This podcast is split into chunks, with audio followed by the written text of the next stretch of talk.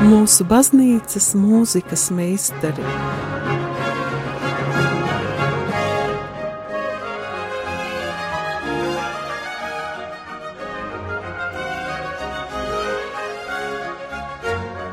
Studijā Dace Dreimane. Slavēts Kristus, darbie radījumi arī klausītāji!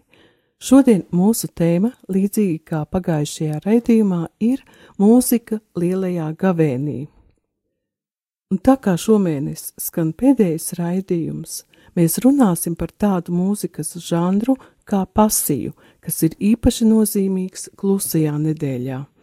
Un, lai mēs to labāk izzinātu un dziļāk ieklausītos pasiju mūzikā, esmu aicinājusi Studijā Lutera akadēmijas baznīcas mūzikas studiju programmas pasniedzēju Vili Kolmu.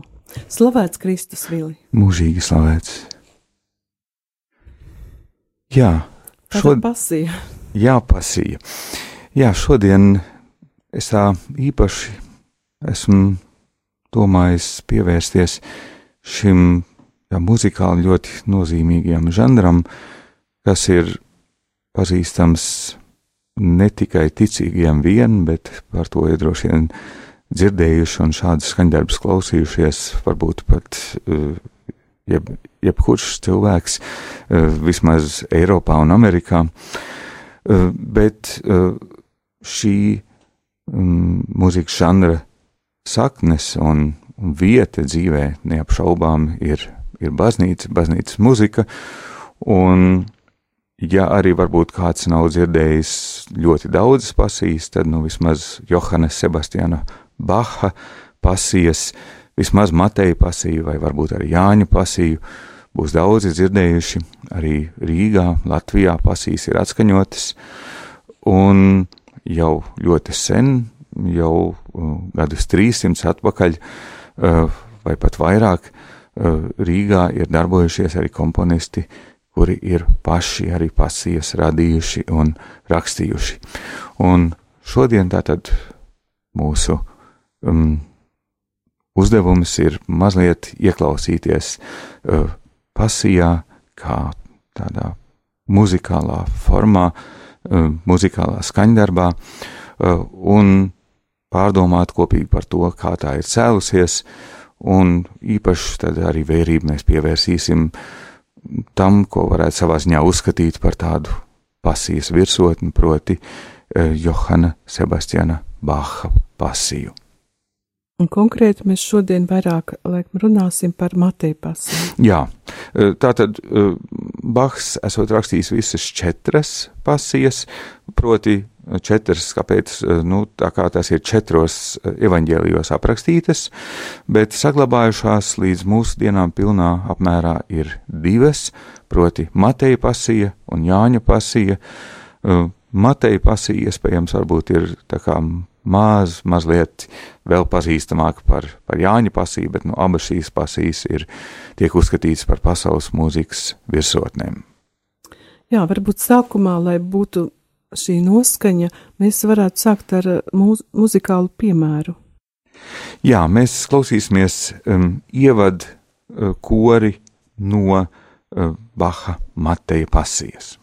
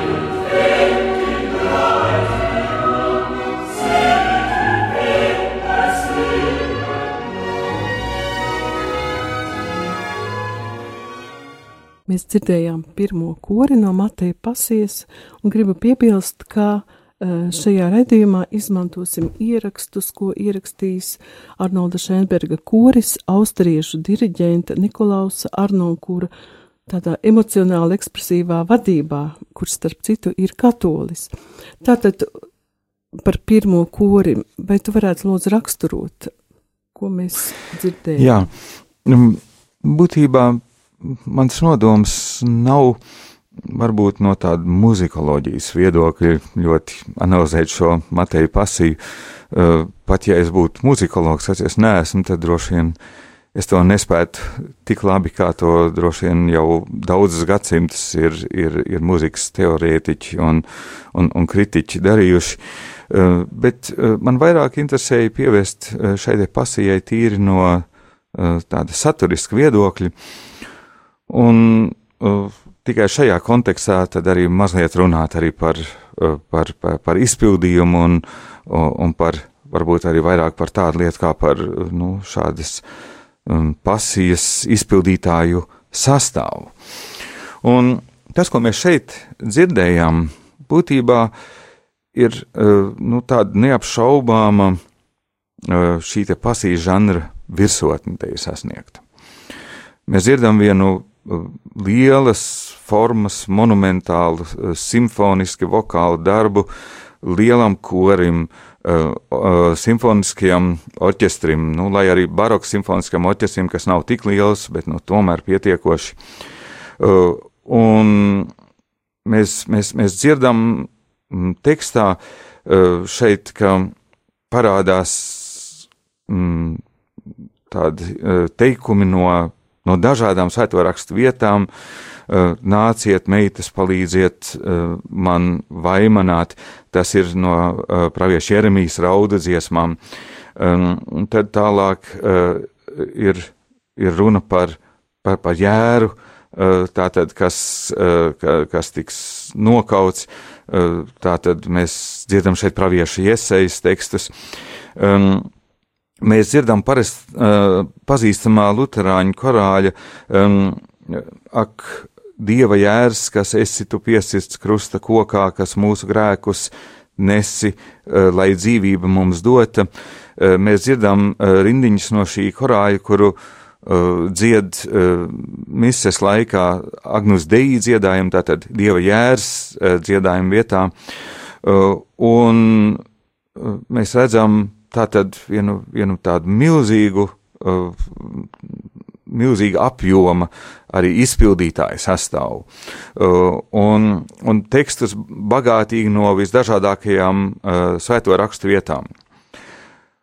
Un kādā veidā mēs šeit pēc šī ievadu kora varētu atpazīt, ka tā ir pasija, tā formāli, uh, godīgi sakot, pat nekā.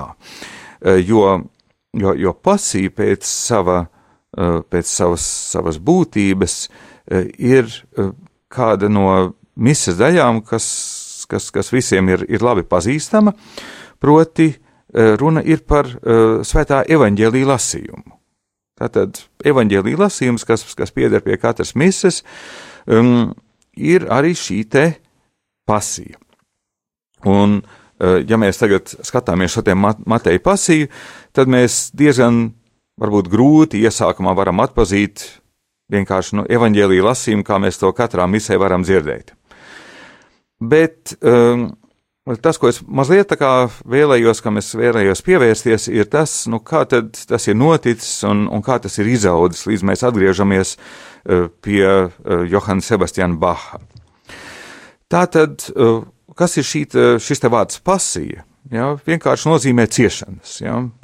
Tas, ir, tas mums ir labi zināms un, un, un, un pazīstams termins. Un runa tātad šajā gadījumā ir runa par evaņģēlīja lasījumu, kurā, kura saturs ir tieši Jēzus ciešanu stāsts, mūsu kunga Jēzus ciešanu stāsts.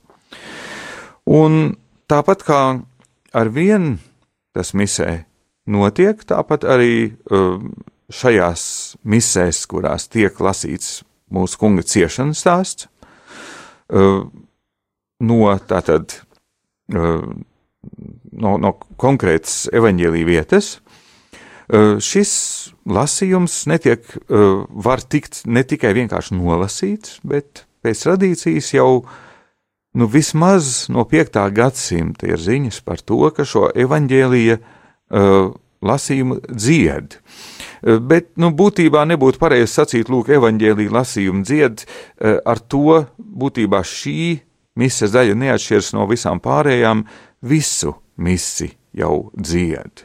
Un tam ir arī savs tāds iemesls, kas varbūt šodienas cilvēkam mm, vairs tik viegli nemaz neatklājas. Nu, kāpēc mise būtu jādzied un vēl jau vairāk svēto rakstu lasījumu? Nu, kāpēc tas būtu jādzied? Ja? Mēs taču nolasām šo te lasījumu, viss būtu skaidrs un lūk viņu dzied. Ja? Kāpēc to mēs tā varam ieraudzīt? Nu, visu pirms mm, ir jāsaka tas, ka dziedāšana divkopojumā nav tas pats, kas, teiksim, dziedāšana uz skatuves. Ja? Skatuves dziedāšanai ir tāda zinām pretenzija uz, uz augstu mākslu. Ja es dziedu uz skatuves, tad es, tad es gribu uh, varbūt savā veidā varbūt atklāt savu skaisto balsi, es gribu atklāt, kādā veidā es interpretēju skaņdarbu, un, un kādā veidā tas uz mani ir runājis, un no tā varbūt veidojas savs tāds mākslas tēls. Tas būtu pilnīgi nevietā, ja mēs uh, runātu par evaņģēlīju lasījumu vai arī par kādu citu svēto rakstu lasījumu. Uh, vēl jau ir arī uh, lasījums no vēstulēm, lasījums no vecās derības. Um, jā, kāpēc, kāpēc te būtu jādzied, ja, ja mūsu mērķis nav, teiksim, atklāt skaisto balsi vai, vai teiksim, nu, parādīt šī te evaņģēlīja svarīgākās vietas? Nu, lūk, ir tā, ka mm, tieši to nedrīkstētu nemaz īsti tādā veidā pieļaut, jo evaņģēlīja lasījums būtu jāpasniedz kā, kā pasludī, pasludinājums, kā, kā dieva slava, un tas būtu jāpasniedz tādā veidā, ka lai katrs, kas šo evaņģēlīju lasījumu dzird un, un klausās, lai tas spētu uzlikt tos akcentus tajās vietās, kur uh, šis evaņģēlīja teksts viņu uzrunā. Un vienam tas var būt viens pants, kas iekrīt vairāk prātā, un otram otrs sirdī, un, un, un trešam vēl kāda cita vieta, uh, un lasītājam nevajadzētu pasakīt priekšā to. Līdz ar to runa šeit nav par uh, ļoti izteiksmīgu dziedājumu, kurā lasītājs censtos pasvītrot uh, kādā veidā viņš šo evaņģēlīju nu, ir piedzīvojis, bet tieši otrādi šis dziedājums ir, ir veidots kā tāds sava veida recitatīvs, kur mm, kas savā veidā palīdz šo evaņģēlīju tā objektīvi pasniegt. Jo mm, šāds nu, dziedāts vārds savā ziņā vienmēr paliek atvērtāks, un viņš ļauj klausītājam interpretēt šo te uh, saklausīto evaņģēliju um, um, pašam, nevis ka, uh, teiksim, runājot, es saku daudz, teiksim, tādus skaidrākus uzsvars no mana balss toņa, no, no, no, no, mana, no maniem uzsvariem, ko es teikumā saku, katrs reiz var saprast, kurš priekš manis bija tas būtiskākais vārds, ko es vēlos uzsvērt. Ja? Tātad, um, Šis būtu tāds varbūt viens no iemesliem, kāpēc uh, evaņģēlīja uh, un tāpat arī citi svēto rakstu teksti, tāpat arī uh, daļai tas attiec arī uz lūkšanu tekstiem, uh, kāpēc tie šie uh, tiek tādā recitatīva veidā dziedāti. Uh, uh, cita lieta ir arī tā, ka šis dziedājums mums pasaka, nu, tas nav. Uh, Tā nav tāda pati valoda, tas nav tāds pats teksts, kāda es saku, piemēram, uh, ejot veikalā un, un, un, un paprasot, teiksim, trīs kilo kartupeļus. Eh, bet, eh, eh, ko es nekad nedarīšu dziedot, droši vien. Ja? Bet ka šis ir teksts, kas ir absolūti, nu, ārpus šīs te varbūt ikdienas, kam ir, kam ir dievišķa izcelsme, tas ir teksts, kas, nu, kurā tā tad slēpjas visa, visa pestīšanas bagātība. Un šādā veidā šo te tekstu nesot priekšā, otra lieta ir tā, ka mēs šo tekstu um, cenšamies atklāt un, un izcelt kā, kā dieva gribas, kā dieva um, pestīšanas pasludinājumu. Uh, un uh, reizē arī šis teksts ir tiek lasīts ne tikai sapulcētajai draudzēji, bet arī neapšaubām dievam par godu. Ja, tas arī ir ar, ar savu tādu mm, būtisku nozīmi. Uh, un visbeidzot, uh, šāds uh, nu, recitatīviski dziedāts teksts lielajās katedrālēs ar, ar bagātīgu atbalsi. Ja. Ir dažas katedrāles, kur šī atbalsts pat sasniedz desmit sekundes. Um, runāts vārds tajā paliktos pilnīgi nesaprotams, kamēr dziedāts uz, uz viena toņa, kāda šie evaņģēlīja dziedājumi ir, eh, viņš kļūst daudz labāk saprotams. Ja? Viņš ir, eh, nu, šodien, protams, tas vairs nav tik ļoti aktuāli, jo ir dažādas sarežģītas um, tehnikas, uh, kas tātad pastiprina un, un arī um, dažādās vietās novietotās, novietotie skaļruņi pat var nākt ar tādu atbilstošu kavēšanos, lai viss būtu labi saprotams. Eh, bet uh, savulaik, protams, tas bija ļoti svarīgi, ja, lai, šo, lai šo tekstu saprastu, ka nebija nekādi uh, tehniski priekšnoteikumi, lai to izdarītu savādāk, tad šis ziedājums bija tas, kas palīdzēja arī tīri vienkārši šo te tekstu saprast.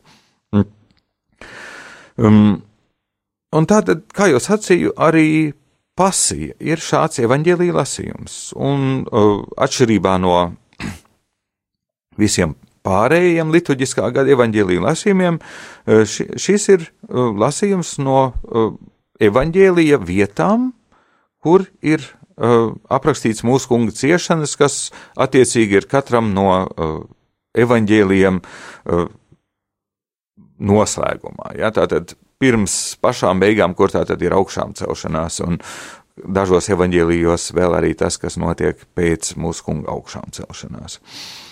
Un šī tradīcija ir bijusi tātad šo evaņģēliju misē dziedāt, vispirms tātad pirmais no evaņģēliem, viņi tiek dziedāti visi pēc kārtas, un pirmais tātad, tā kā viņi svētos rakstos ir, vispirms Mateja evaņģēlijas, un tas ir palmu svētdienā, tātad nedēļa pirms lieldienām. Tad um, pirmdienā uh, tas parasti nebija lasījums no ciešanām, bet tur bija uh, lāca ar augšām celšana, bet tad otrdienā atkal ir ciešanu lasījums, un tas ir no Marka evaņģēlija, attiecīgi dziedājums, tā teikt, Marka pasija, trešdienā tad būtu Lūkas pasija, Un visbeidzot, jā, protams, eh, ceturtdienā ir, ir um,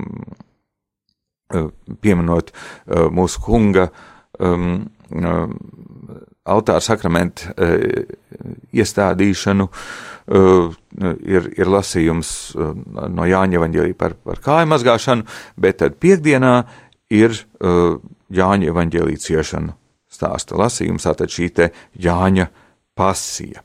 Un šādu Jāņa pasijas lasījumu piemēru, eh, kā, kā tad viņi būtu savā tajā visvienkāršākajā veidā, eh, mēs tūlīt varēsim dzirdēt. Šādā veidā tā, tas tiek lasīts arī Vatikānā vēl līdz, līdz šai dienai un ne tikai.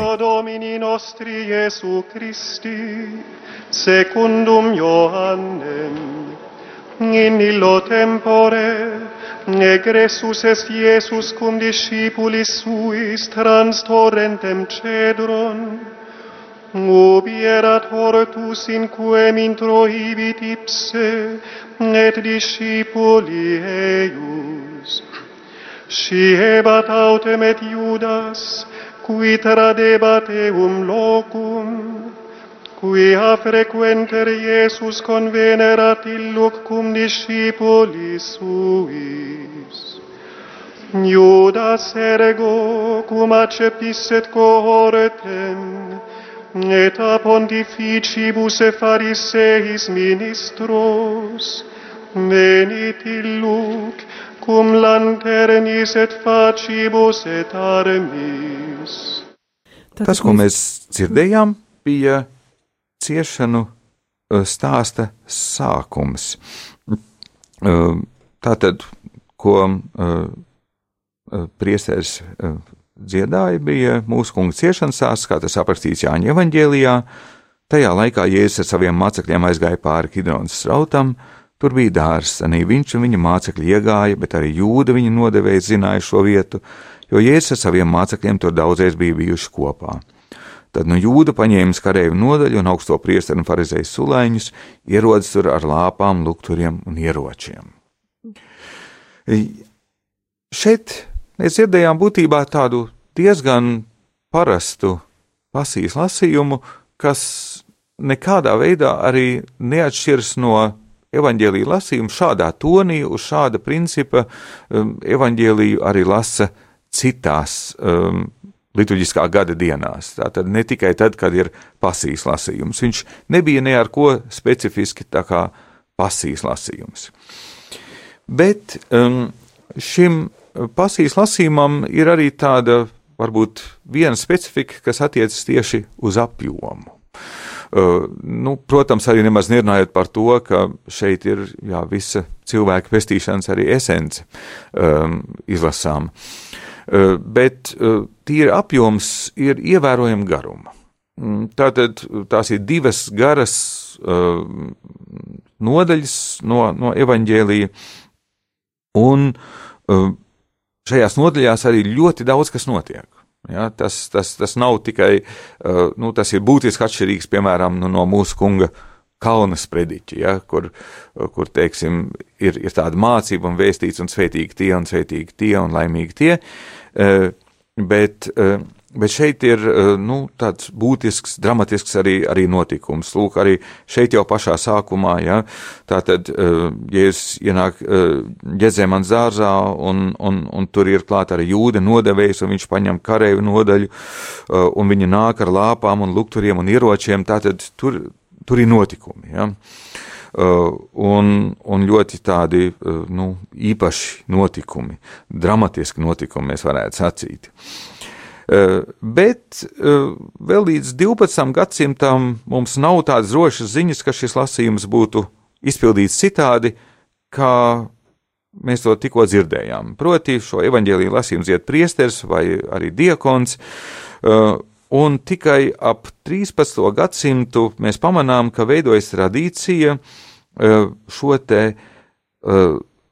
pasijas dziedājumu Uh, mazliet bagātināt. Un sākumā vēl tā ļoti pieticīgi, tas vēl ne tuvu, netuvojas Baha apjomam, proti tiek lasīts savā veidā pa lomām, bet arī ne pa visām lomām, kādas ir, bet vienu lomu, tātad viena loma ir evaņģēlis, proti tas, kurš stāsta to, ka, ka mēs evaņģēlijā lasām šo, šīs te vietas, šīs nodaļas, kas notiek. Ja?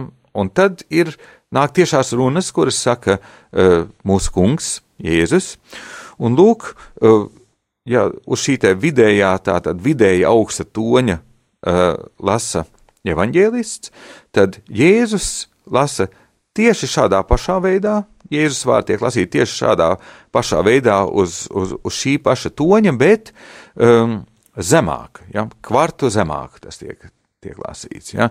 Mm, mm. Līdz ar to uh, mēs varam redzēt, ka iedibinās tā tradīcija, ka uh, arī vēlākās pasījās, līdz pat arī uh, pie, pie um, Johana Sebastiana Baha, uh, mēs redzam uh, Jēzus vārdus dzied uh, bass ja? nevis tenors, piemēram. Ja? Kamēr visas pārējās, ko mēs saucam par tiešām runām, ja, tātad tas, kas tiek likts pēdiņās, ko kāds saka tieši, piemēram, Pēters vai, vai kalpone pie, pie, pie ugunskura, vai um, arī tauta, ja, tas tiek dziedāts attiecīgi augstāk. Ja, un līdz ar to mēs redzam, ka nu, veidojas tradīcija, ka šo evaņģēliju, uh, tātad šo te pasiju, dzied jau trīs personas. Ja? Tātad tas, kurš dzied vidējo, tas ir evaņģēlists, tas, kurš dzied Jēzus vārdus, tas dzied uh, kvintu zemāk, un kvartu augstāk dzied mm, šīs pārējās tiešās runas un, un arī tautas vārdas, un tādas kā sit viņu krustā. Ja. Tā tad jau pats, pati šī te, nu, mises vieta, šis evaņģēlīja lasījums jau, jau liek pamatu tādai nu, mūzikas žanra attīstībai. Tā tad vidējo dzied um, Voks evangeliste, tur tiek dziedāti evanģēlistu vārdi, un tad kvartu zemāk Jēzus vārdi, un kvintu augstāk uh, voks populi vai solilokventes, vai arī turbē, tas ir, nu, pūlis, ja, uh, tas tiek dziedāts tad augstāk. Vēlāk pasīs dziedājums kļūst muzikāli vēl bagātāks un uh, interesanti tajās vietās, kur ir runa par, par pūļa saucieniem, ka tur jau parādās daudzbalsība un uh, paliekot šajā pašā sākotnējā tonī, piemēram, tiek dziedāts kvintās, ja, vai arī kvartās, ja, vai arī vēlāk jau pat par, parādās pilna trīsbalsība, proti, lai savā veidā ilustrētu to, ka lūk, šeit, šeit pūlis kaut ko saka un, un, un pievērst uzmanību. Un blakus tam, protams, ka tādā veidā tiek izcelts šis pats notikums, un, un, un, un šis dievu vārds kļūst varbūt vēl vēl, vēl, vēl labāk saklausāms. Um, uh, Līdz ar to arī nu, savā veidā mēs varam sacīt, nu, nepazaudē uzmanību tie, kas šo mm, evaņģēlīju klausās, jo tur viss, kas notiek, mainās, un, un šāds lasījums, kas varbūt ilgs, nu, teiksim, nepilnu pusstundu, uh, viņš, uh, viņš tomēr paliek intensīvs un, un piepildīts, un to var noklausīties. Protams, Baha laikā tas vairs nav nekādā ziņā ietilpināms pusstundā, un, tad jau eh, šī, šī te pasija eh, aizņem daudz vairāk vietas un nav vairs arī misē īsti ietilpināma. 15. Eh, gadsimtā parādās vēl viens solis, kas ved uz pasijas kā tādas īpašas muzikālas formas attīstību, uh, Mm, proti, pie šī tīrā evaņģēlīja teksta uh, tiek pievienotas dziedātas ievada un noslēguma lūkšanas, kas saturiski ierāmē pasīs dziedājumu. Un savā ziņā varētu sacīt, ka, uh, ja tas pirmais solis bija, bija šī daudzbalsība, kas parādījās piemēram pie pūļa, tad otrs ļoti svarīgs solis ir tas, ka parādās citi teksti, arī ietilpināti, kas ir ārpus pašas uh, pasijas, kas ir evaņģēlijā aprakstīta, ārpus paša šī te uh, mūsu kunga ciešana notikuma. Un uh, šajā laikā arī parādās jau pirmās pasijas, kur nevairs tikai pūļa teksti, bet jau lielākas daļas no šī te uh, evaņģēlija, arī tā, ko, tās, ko, piemēram, lasa evaņģēlis, ka tās tiek dziedātas vairāk balsīgi. Un šādu evaņģēlīju dziedāšanu pārmantoja arī uh, reformācija. Tāpat kā Romas katoļu baznīcā, arī Lutriskajās draudzēs tika dziedāts šis ciešana evaņģēlijs, bet jau uh, pašā sākumā to bieži vien dziedāja vairāk balsīgs koris. Nu, protams, kā tas ir rakstīts uh, luteriskajām, uh, raksturīgs luteriskajām draudzēm, uh, tas tika dziedāts jau to laiku tautas valodā. Un kā piemēra es tagad no, no reformācijas gadsimta gribētu piedāvāt no Leonārda Lehnera 1594. gadā veidotās Jāņa pasijas, tad evaņģēlista Jāņa pasijas fragmentu, bet Pilārs lika taisīt uzrakstu un piestiprināt to pie krusta, tur bija rakstīts Jēzus nācerietis jūdu ķēniņš. Šo uzrakstu lasīja daudzi jūdi, jo vieta, kur Jēzus bija krustā sists, bija tuvu pie pilsētas, un rakstīts bija ebreju, romiešu un grieķu valodā.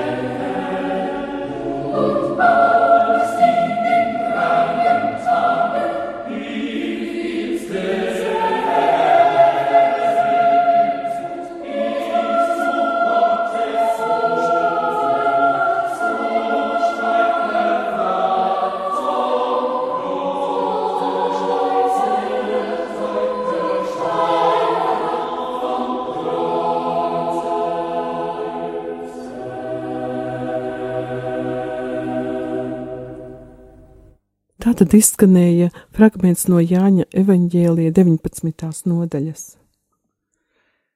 Jā, tādā veidā, kā mēs to tikko dzirdējām, ir būtībā viss šī pasija. Mm, man ir bijis ar tas prieks, eh, nu jau labi sen atpakaļ eh, šo pasiju dziedāt, un tāpēc es arī eh, to mazliet labāk pazīstu, bet nu, kopumā jāsaka, tā šodien klausoties mūsdienu cilvēkam, viņa nu, nešķitīs tādu ārkārtīgi interesants skaņdarbs. Tā kā mēs jau tagad dzirdējām, nu, tā viņi iet apmēram kāds pusstundu, jā, 40 minūtes varbūt, jā, un nekas sevišķi daudz tur nemainās. Kāpēc tā? Tāpēc, ka tā ir vēl aizvien, lai ar to pamanītu, gandrīz nevar, bet viņi ir veidoti pēc tiem pašiem principiem. Un kāpēc ir grūti pamanīt? Tāpēc, ka tā galvenā balss atrodas vidū, proti tenorā. Un šis te tenors dzied aptuveni, uh, balstoties uz tā, uz tā paša baznīcas recitācijas toņa, kā mēs to dzirdējām pašā sākumā. Nav gluži precīzi tā, bet tomēr uh, to pamatu var manīt. Un tās pārējās balsis to, uh, tam ir pierakstīts pēc polifoniskiem principiem klāt, un, un tādā veidā nu šī pasīja senāk, un tādā veidā viņu dzied no paša sākuma no, no, no pieteikuma, ka tā ir Jāņa pasīva līdz pat pēdējam vārdam. Un nekas tur sevišķi nemainās, un mēs redzam tātad, nu, šī, atskaitot to, ka tā ir tautas valodā, savādāk šī, šī pasīva vēl ļoti turās senajās tradīcijās. Mm, tas, ka, kas notiek tālāk, jau ir liek tādu pamatu arī nu, tādai ievērojamai muzikālai attīstībai. Ne tikai izpildītāja skaita un, un varbūt mūzikas veida ziņā, eh, bet eh, eh, tas dod jau attīstību tādai, nu, brīvai, savu veidu brīvai muzikai, arī um, tekstu jau savā ziņā interpretējošai muzikai. Un šajā brīdī mēs varam sacīt tā no tās sākotnējās domas, uh, ko es sacīju, jā, šim evaņģēlīja lasījumam, pirmais uzdevums ir tikai izcelt vārdu, kāds viņš svētajos rakstos ir, un novest pie klausītāja. Šajā brīdī uh, tad uh, šis princips tiek savā ziņā nu, pārkāpts, ja tā varētu sacīt, jo mm, ar to brīdi, kad uh, notiek atkāpšanās no senajām skaņkārtām, tad jau arī parādās melodijas, kuras jau ir tīri nu, komponista interpretācija, komponista rakstītas tieši šim tekstam, un šīs te melodijas attiecīgi arī šo te tekstu savā veidā ne tikai pasniedz, kāds viņš ir, bet arī vairāk vai mazāk interpretē. Iepriekšējā tātad mūzikas piemērā mēs to gandrīz vēl nevarējām pamanīt, bet tālākā attīstībā tas notiek, un sākot ar 17. gadsimtu šādu nu, to mēdz dēvēt par tādu motetes veida pasīvu, kur vēl pamatā ir tīrs evaņģēlīja teksts un varbūt pāris vārdi sākumā un, un, un beigās tikai pievienoti, e, tad sāk veidoties viens pilnīgi jauns tips šādai pasijai, ko mēdz dēvēt par oratorijas veida pasīvu. Un, e, protams, nu, oratorija, ja tas ir zināms, tas ir apmēram kaut kas līdzīgs kā varbūt opera, uh, tikai bez, bez skatuviskas norises. Ja? Tātad tas kas, eh, tas, kas tiek dziedāts, eh, ir, mm, netiek nekādā veidā attēlots uz, uz skatuves, bet nesoties uz, uz to, protams, šāda oratorija nu, jau ļoti intensīvi un, un dziļi ved šajā notikumā, par kuru tiek, tiek dziedāts, un, un arī šāda oratorija, protams, interpretē arī to, kas tur notiek. Um, tā tad uh, 17.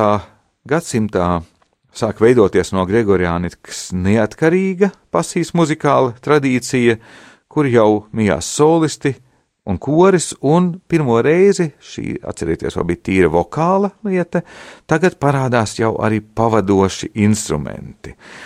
Un um, būtībā tas ir vispār laiks, kad, kad, kad misijas dziedājumi sāk uh, no tīra vokāliem uh, kļūt, uh, iegūst arī instrumentālu tādu pavadījumu, vai, nu, pareizāk būtu sacīt, paplašinājumu. Ja? Uh, un uh, otra lieta, kas notiek un kas tad patiešām pavēr tādai plašai attīstībai um, ceļu, ir, ka pasija pieaug ne tikai uh, savā muzikālajā izteiksmē, bet arī teksta izteiksmē. Proti, uh, tas, kas sākumā bija tikai um, pasīs um, ievadā un noslēgumā, uh, kāda lūkšana vai, vai kāds īsts komentārs uh, par šo te notikumu, tad tas tagad ir kļuvis par principu, uh, ko jau daudz biežāk lieto un kas būtībā caurauž visu pasiju. Un tas, ko mēs pašā sākumā klausījāmies no uh, Baha Mateja pasijas, uh, tur mēs redzam šādu, šādu piemēru, proti, tur ir dažādas svēto rakstu vietas un, un pat viena liturģijas daļa, uh, kas tur atskan. Um, šādas, uh, šādas, uh, šādi iestarpinājumi uh, parādās aizvien vairāk, aizvien biežāk, un parādās gan, piemēram, nu, draudzes korāļi, kā, kā atbilde tam, kas, ir, kas tiek vēstīts um, evaņģēlista dziedājumos, vai nu, Jēzus dziedājumos, vai, vai arī atsevišķo um, evaņģēlīju personāžu uh, dziedājumos, uh, gan arī, piemēram, uh, parādās ārijas, kas ir domāts apmēram tā kā nu, ticīgā cilvēka tāda emocionāla atbilde uz to, kas, kas notiek, uh, un kādā veidā tad, tad, tad mēs um, šo te, ko esam tikko dzirdējuši, kā, kā evaņģēlīja uh, aprakstīto, kā tas uz mums atsaucās, ko, kā, ko tas liek mūsu, mūsu, uh, mūsu sirdīs un, un kā tas tad uh, mūsu, mūsu ticību, mūsu, mūsu dievību vairo. Un šāds pasīs veids savu virsotni sasniedz tieši Johana Sebastiāna Baha daļradē, eh, un tur mēs varam redzēt eh, šīs te mijas eh, starp evaņģēliju, kas lielākoties saglabājas kā reģistratīvs, bet ne obligāti uz senajām skaņkārtām veidots, bet, ka tur ir ārijas, kuras, kuras dzied tātad evaņģēlija personāži, ka tur ir ārijas, kuras nezied neviena konkrēta persona, bet, nu, ticīgais cilvēks, kas, kas šo te ir klausījies, un tas viss savijās kopā vienā vienā lielā, grandiozā, tādā muzikālā notikumā, kas tad stāda mums acu priekšā eh, visu eh, šo te pasiju, visā tās traģikā, bet reizē arī tās lielajā svētībā, ko tā nes cilvēkam. Tāds brīnišķīgs piemērs, cik, cik rūpīgi un cik smalki, un arī ar tādu, jā, varētu sacīt, pilnas dievbijības, kā Bahs ir veidojis šo te pasiju, ir tāds pavisam īsts uh, fragments, uh, tātad mēs atgriezīsimies pie Mateja pasīs, uh, no Mateja evaņģēlīja 26. nodaļas, un tur tātad teksts ir tāds. Tad Jēzus aiziet ar saviem mācekļiem uz kādu vietu ar nosaukumu Ģedzēmane un saka mācekļiem: Nosēdieties šeit, es paiešu tālāk un pielūgšu Dievu un viņš ņēma sev līdzi Pēteru un abus sebedēja dēlus un sāka skumt un baļoties. Tad viņš saka tiem: Mana dvēsele ir noskumusi līdz nāvei, palieciet šeit un esiet ar mani nomodā. Un tas, ko mēs dzirdēsim, tātad tur ir divas uh, personas pamatā, tātad uh, evaņģēlista sacītais un Jēzus sacītais. Mit ihnen zu einem Hofe er hieß Gethsemane und sprach zu seinen Jüngern,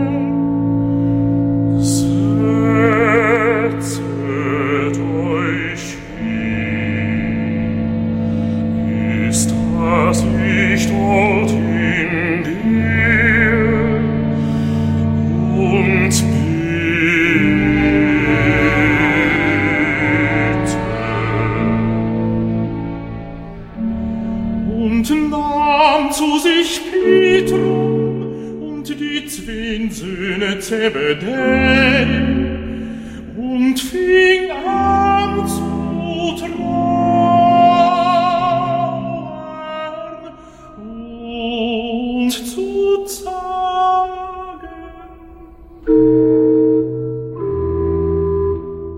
Da sprach Jesus zu ihm,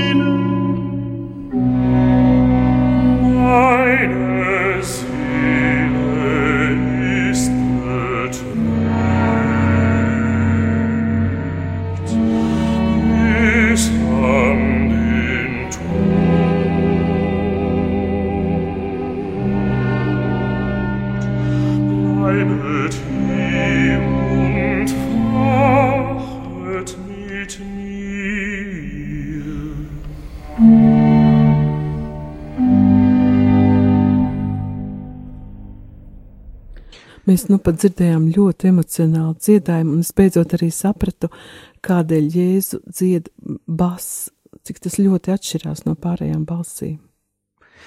Jā, un mums būs arī interesanti tagad paklausīties uh, vēl vienu šādu um, savā ziņā dialogu, kur tātad piedalās uh, tas pats evaņģēlists, kā, kā jau tas bija, tad Jēzus un arī uh, Jēzus māceklis Pēteris. Pēters atbildēja uz to un sacīja, kad visi pret tevi apgriezinātos, es nemūžam neapgriezināšos. Jēzus sacīja tam, patiesi es tev saku, šī naktī pirms gailis dziedās, tu mani trīs reizes aizliegsi. Pēteris saka viņam, jebšu man būtu jāmirst ar tevi, taču nemūžam tevi neaizliegšu. Tāpat arī visi mācekļi sacīja. Petrus aber antwortete und sprach zu ihm, Wenn sie auch alle sich an dir ärgerten, so will ich doch mich nimmer mehr ärgern. Jesus sprach zu ihm, Wahrlich, ich sage dir, in dieser Nacht, ehe der Hahn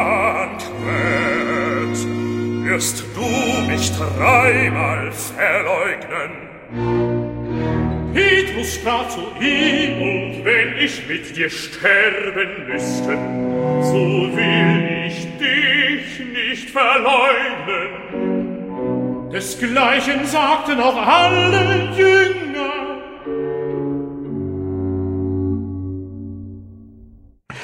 Atbildot uz šo Pētera sacīto, nu, nāk tā teikt, draudzes atbildi uz to.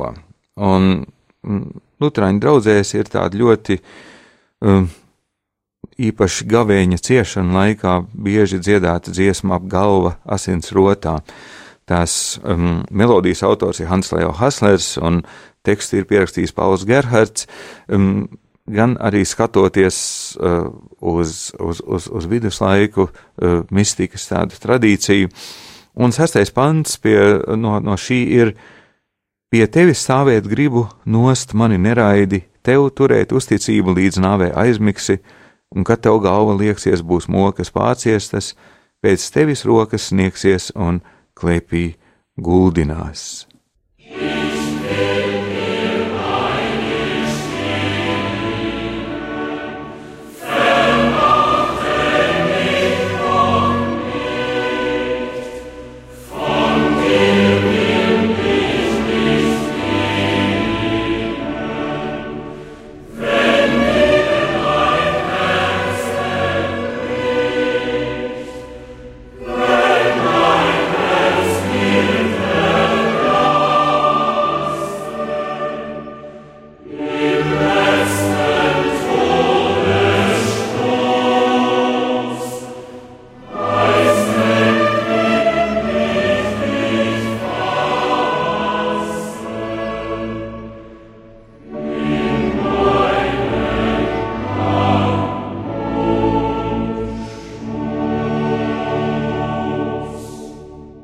Ļoti interesanti, ka uh, Bahs iesaista uh, ārijā arī kori. Tā soprāns zied, mans Jēzus nu ir sagūstīts, un koris tam pretī, bet taču laidiet viņu vaļā. Tad atkal soprāns mēnesis ir sāpēs apdzēsis, jo Jēzus ir sagūstīts, tad atkal koris laidiet viņu. Un visbeidzot seko tāds ļoti ekspresīvs kora dziedājums, vai tad zibeņi un pērkoņi debesīs pazuduši, atveries ēles bezdibiena un aprī, satriec ar niknumu ļauno nodevēju un slepkavas.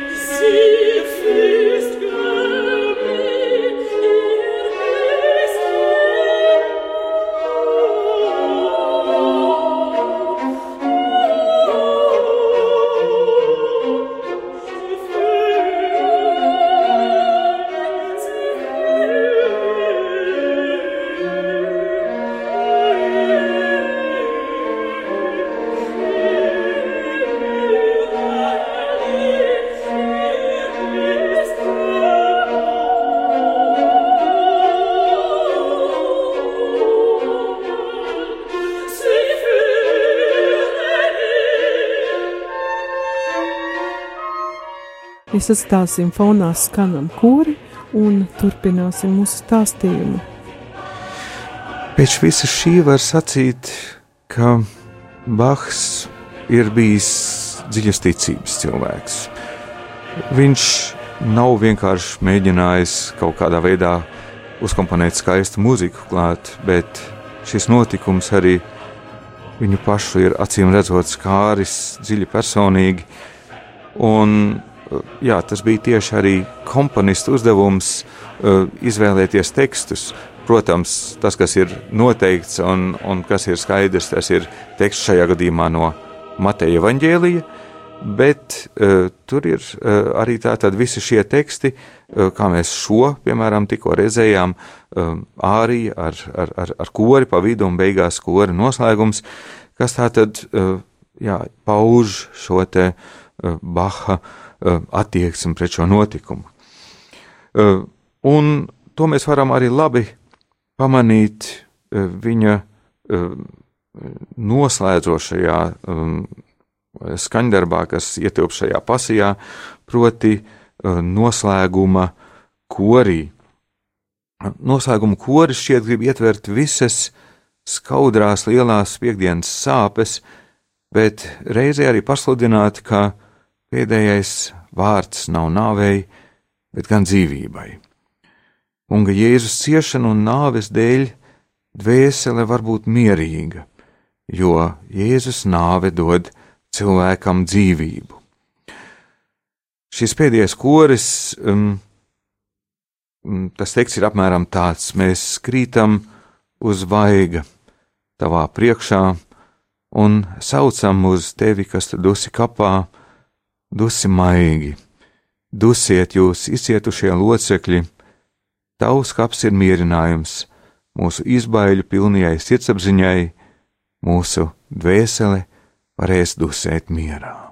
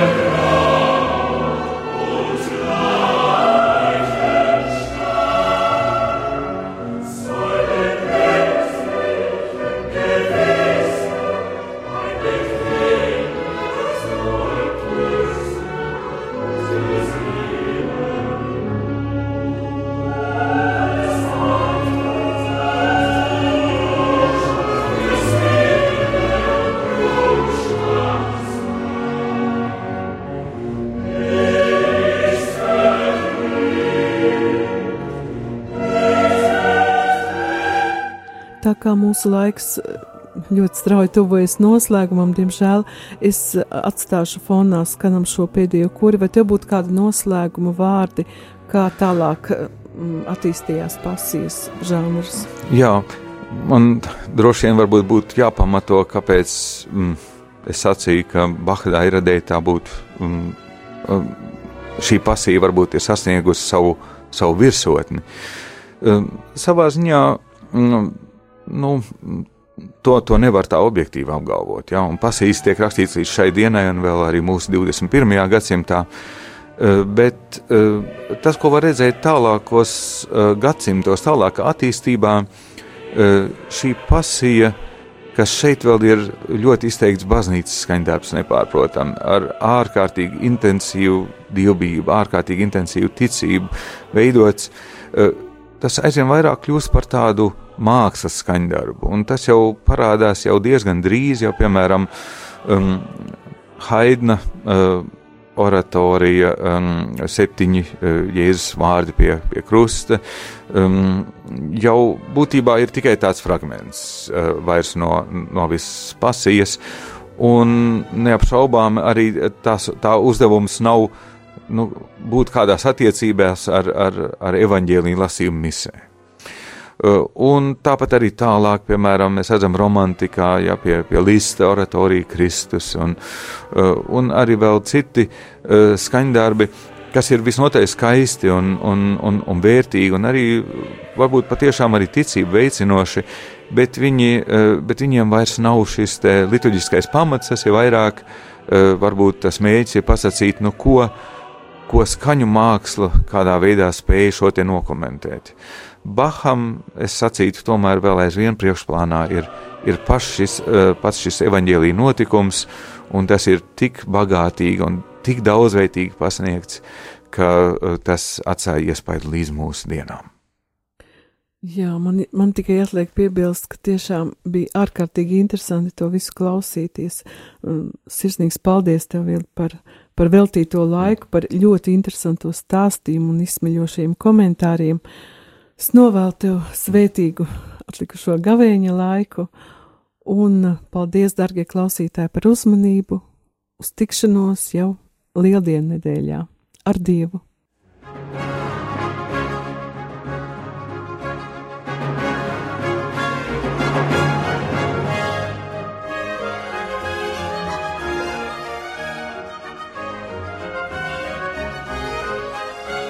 Mūsu baznīcas mūzikas meistari